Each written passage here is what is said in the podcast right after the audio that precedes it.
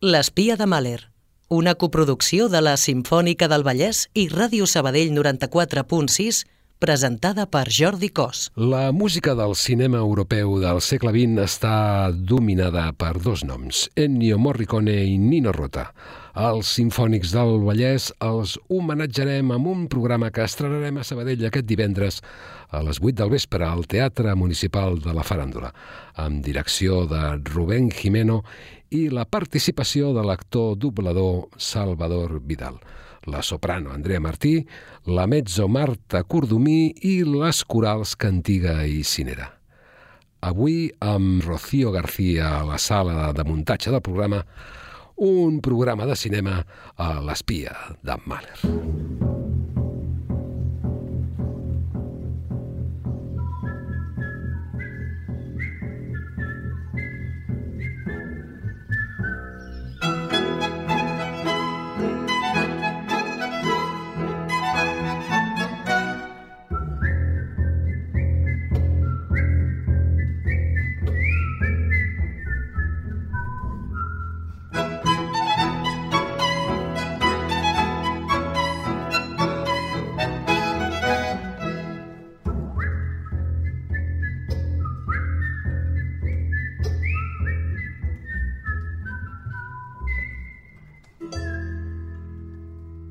El cinema obre miracles. Us en diré un. La música entra pels ulls.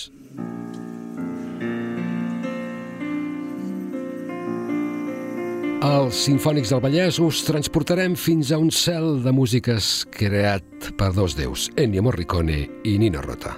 El cinema és un paradís.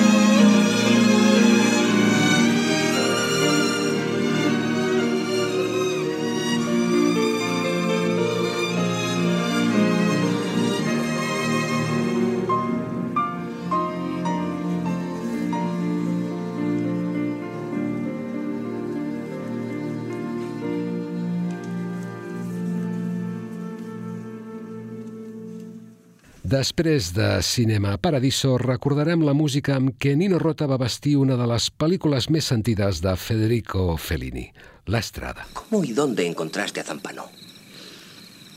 Le dio doce mil liras a mi madre. No, ¿le dio tanto?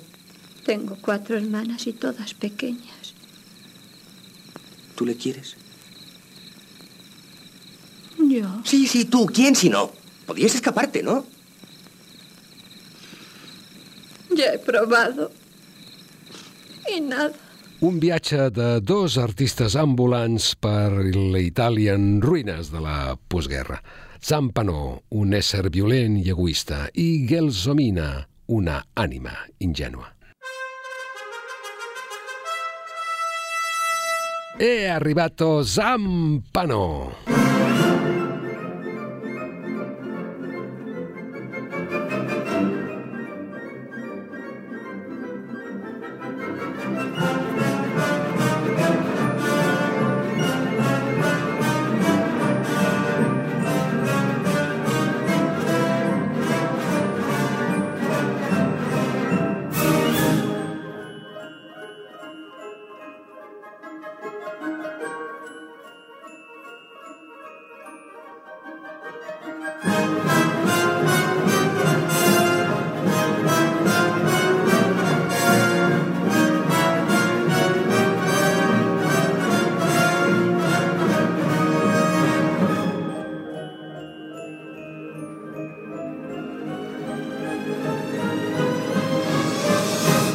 Gelsomina és una ànima capaç de trobar la felicitat en coses petites. Ballar, jugar, unes llavors de tomàquet i una melodia prestada que fa sonar a la seva trompeta. Es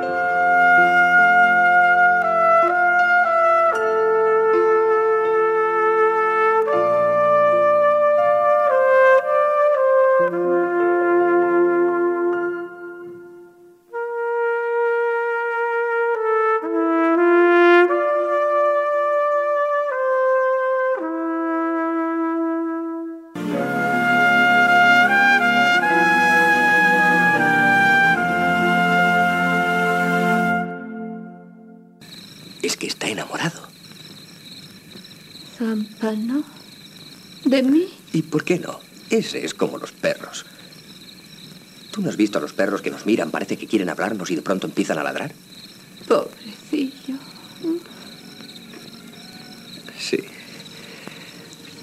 Sí, sí, pobrecillo. Porque si tú no te quedas con él, ¿quién va a hacerlo? Yo soy un ignorante. Sin embargo, he leído algún libro. Ya sé que tú no lo creerás, pero todo lo que existe en este mundo sirve para algo. Mira, coge esa piedra, por ejemplo. ¿Cuál? Eh, esta, una cualquiera. Pues hasta esta piedrecita sirve para algo. ¿Y para qué sirve? Sirve para... Eso es lo que no sé. Si lo supiese, ¿sabes quién sería yo? ¿Quién? El Padre Eterno que lo sabe todo. Cuándo naces y cuándo mueres, ¿quién puede saberlo? No sé para qué sirve esta piedrecita. Pero para algo servirá. Porque si esto fuese inútil, todo sería inútil. Hasta las estrellas. Así lo creo yo. Y tú también. Tú también debes servir para algo con esa cabeza de repollo.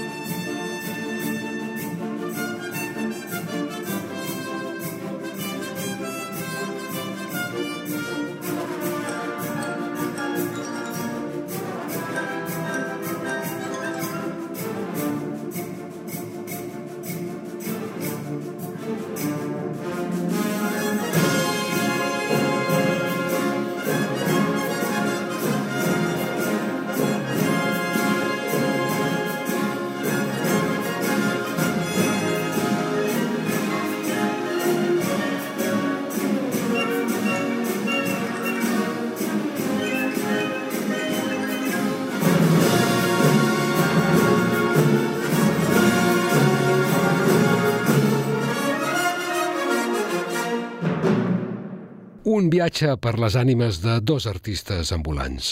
Un viatge a la fi per la geografia de dos cors destrossats. Gelsomina tenia un propòsit, com la pedreta, però...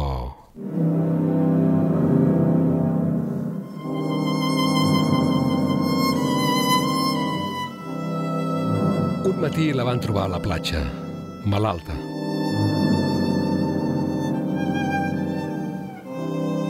Mai no parlava, no menjava, només plorava.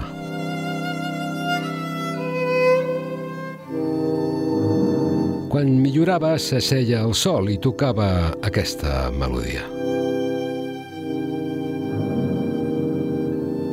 I un matí ja no va despertar.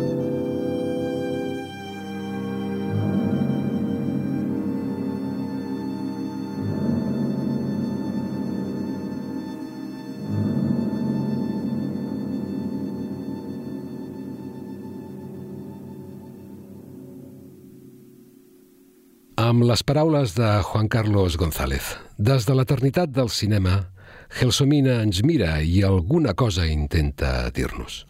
Si us plau, mirem-la també nosaltres. Potser, com Zampanó, no tinguem cap altra oportunitat. I només ens quedi el ressò fet música de la seva desesperada solitud. Thank you.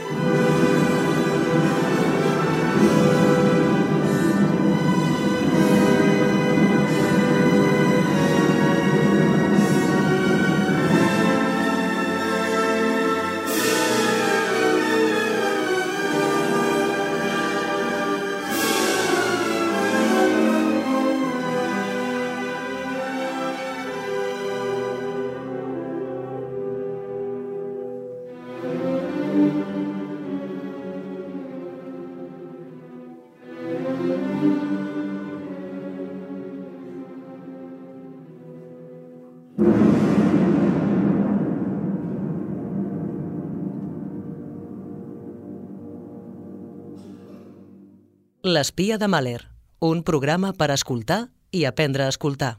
Es coneix els guanyadors de la línia de sortida, els guanyadors i també els perdedors. Amb la pel·lícula Hi havia una vegada a Amèrica, Sergio Leone tancava la trilogia d'Amèrica. Més de 4 hores de cinema per construir un relat sobre l'amistat i la traïció. i de manera especial sobre la nostàlgia del paradís de la infantesa i del paradís d'un amor impossible en la persona de Débora, representada per l'actriu Elizabeth McGovern, que enfronta els dos personatges de la pel·lícula encarnats pels actors Robert De Niro i James Woods.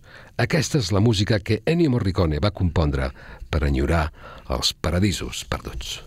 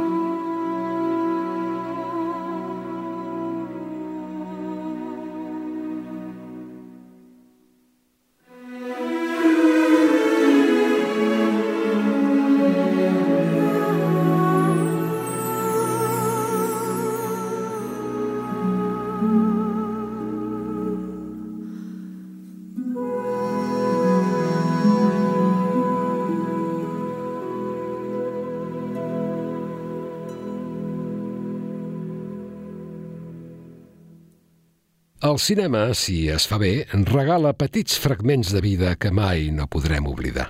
Aquest és el cas d'Amarcord, un repàs molt ficcionat de la infantesa i adolescència del director Federico Fellini. Ja ho va dir el mateix Fellini, l'única persona realista de debò és la visionària.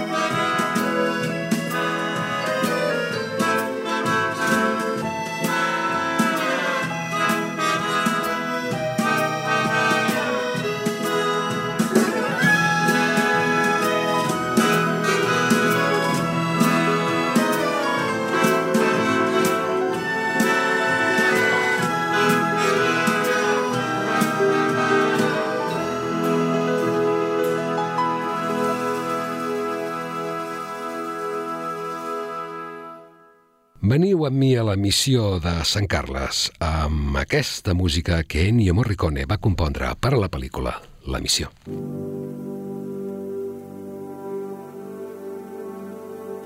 Crec que la missió Déu us podrà dir el que heu de fer. Ell us dotarà la gràcia per fer-ho. Costi el que costi. La missió és un santuari per als guaranís.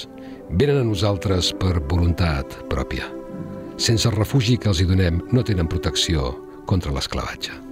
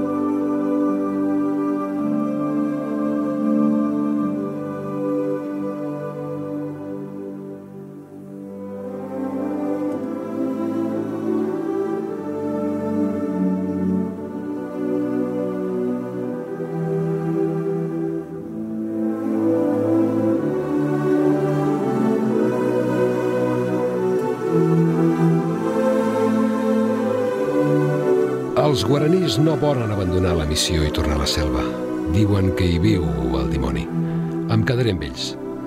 Si la força és l'únic cabal, no hi ha lloc al món per a l'amor. Lluitaré amb ells.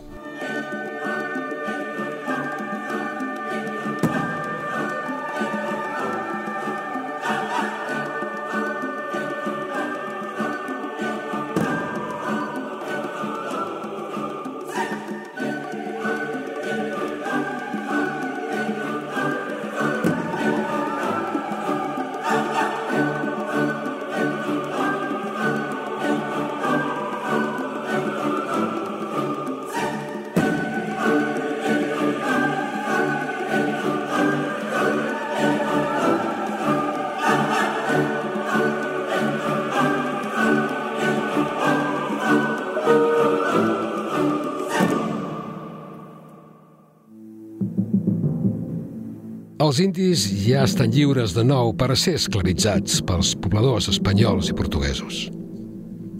Els vostres sacerdots, santedat, són morts i jo segueixo viu.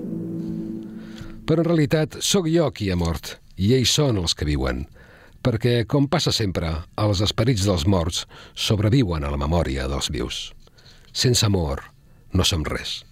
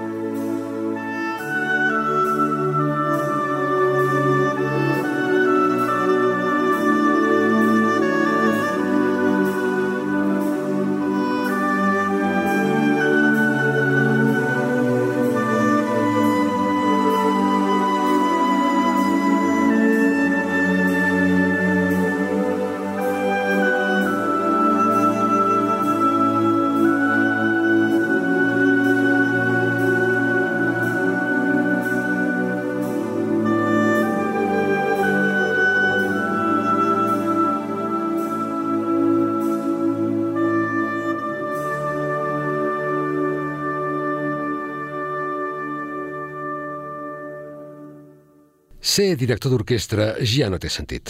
És com un capellà. Ha de tenir una església, amb creients. Si no, quan els fidels es tornen ateus, doncs tot cau. Quan jo era primer violí, hi havia tant d'amor entre el director i nosaltres. Res no era millor que la seva autoritat. Ara toquem junts, però units per un odi comú, com una família destruïda. Paraula de Federico Fellini sobre la pel·lícula Prova d'orquestra. Volia relatar els esforços d'un grup de músics per reproduir el moment de prodigiosa harmonia que és l'expressió musical. Naturalment, juntament amb els músics també hi ha un director, que s'adona que l'objectiu comú de fer música, doncs, és ignorat. De fet, l'orquestra és el meu país. Som nosaltres, un país malalt.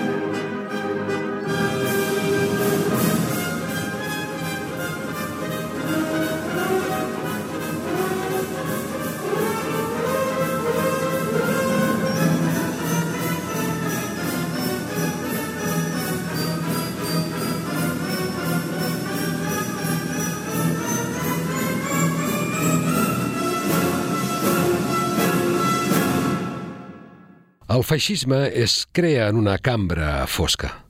La democràcia, en canvi, neix als ulls de tothom. Aquesta és la llavor ideològica de la qual brollarà una crònica partidista de mig segle de la història d'Itàlia, des de la mort de Giuseppe Verdi fins al final de la Segona Guerra Mundial.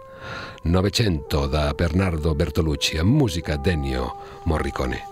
La narració la impulsarà un mirall de la lluita de classes, la tortuosa amistat entre dos homes que van néixer el mateix dia del mateix any que va morir Verdi.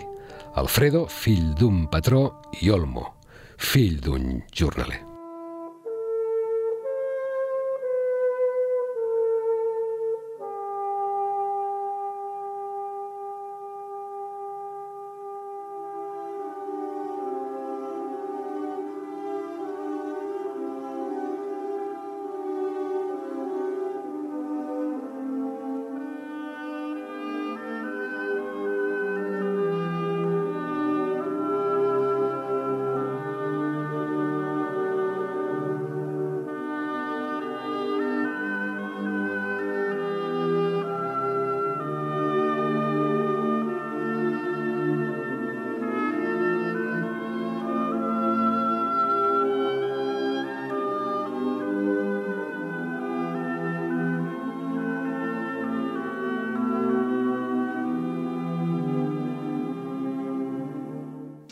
Los fascistas no son como los hongos que nacen así en una noche.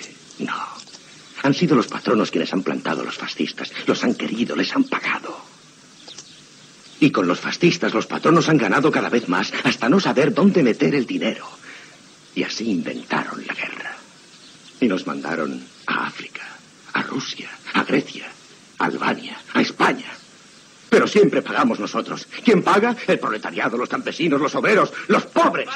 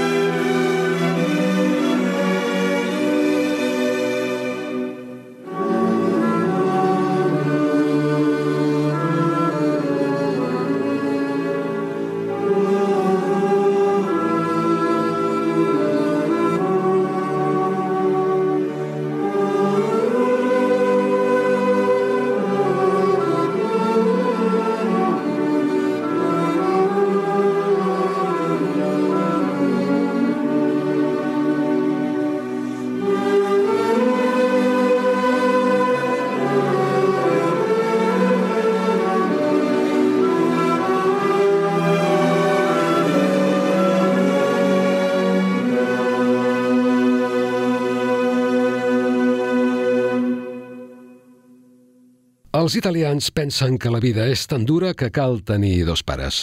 Per això, tots tenen un padrí.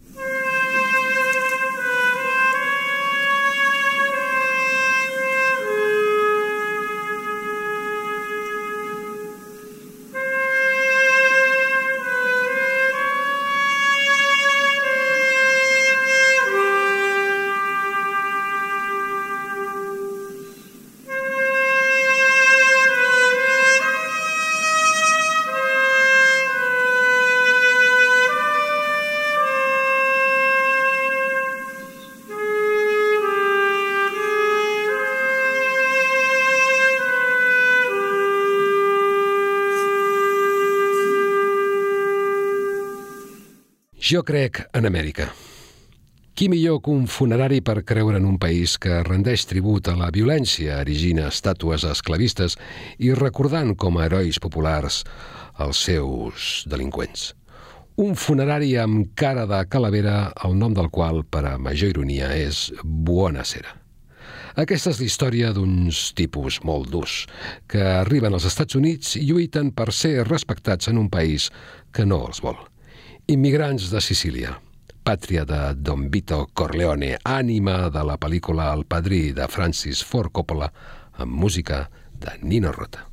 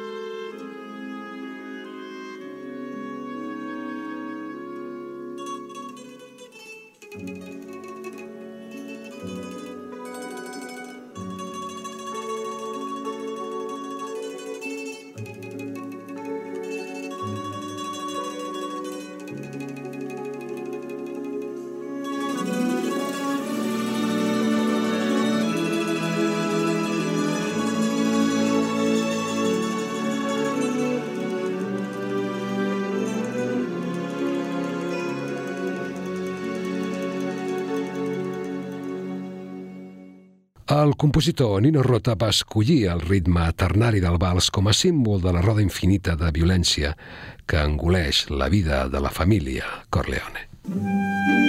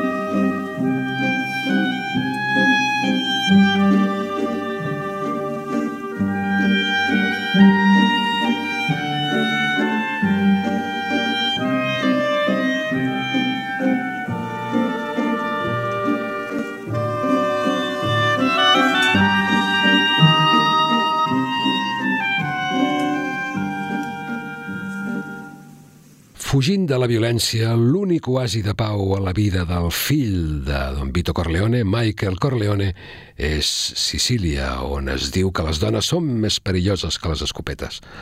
Allà posarà nom a la salvació per l'amor, a Polònia.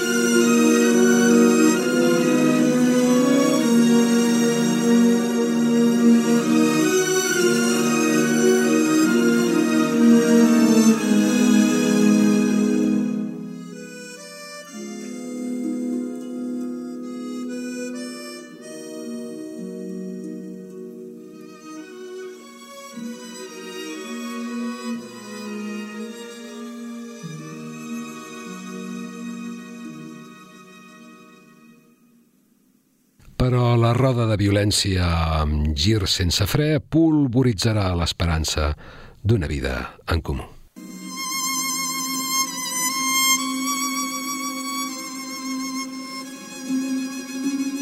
Un cop més, no hi ha marxa enrere.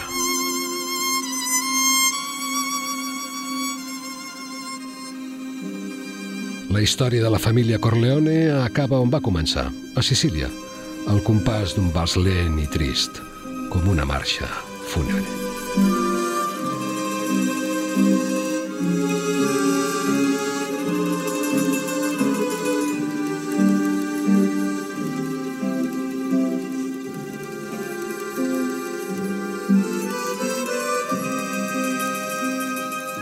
no van poder escapar al seu destí, conviure amb un melanconiós sentiment de culpa per ser el que eren. I és que si alguna cosa ens ha ensenyat la història és que es pot matar a qualsevol. Res de personal. Només negocis. Un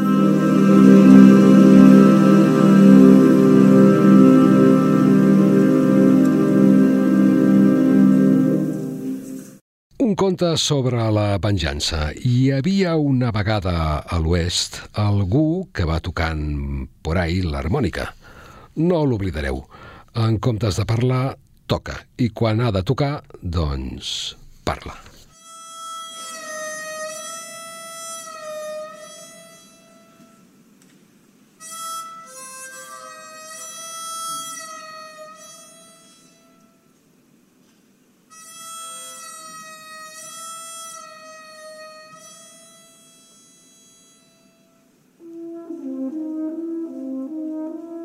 Aquesta és la història que ens explica el director de cinema Sergio Leone a la pel·lícula Hi havia una vegada a l'Oest, amb música d'Ennio Morricone. Recordem que aquesta música la podreu escoltar aquest divendres a les 8 del vespre, interpretada pels Simfònics del Vallès dins del programa Homenatge a la música d'Ennio Morricone i Nino Rota.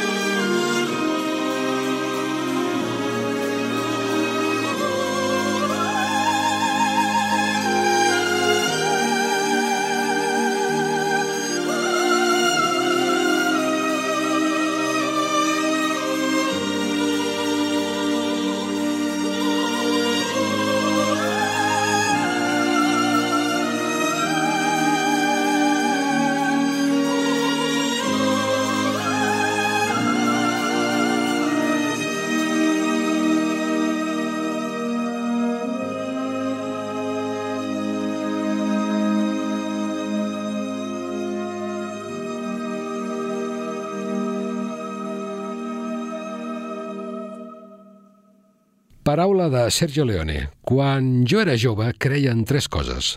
Les teories polítiques de Karl Marx, el poder redemptor del cinema i en la dinamita. Ara només crec en la dinamita. Un argument per a aquesta sentència. Tres bandits amb l'ànima i les mans brutes creuaran els camins durant la guerra de successió americana per enfrontar-se en un duel a mort per un tresor de 200.000 dòlars en monedes d'or enterrat en un cementiri. On ells van néixer per no morir de gana calia triar. Ser capellà o bandit. O dit altrament. En dos categorías. Los que tienen revólver cargado y los que cavan. Tu cavas. Tres cares de la mateixa maldat. La sataníssima trinitat de l'espagueti western. El bo, el lleig i el dolent.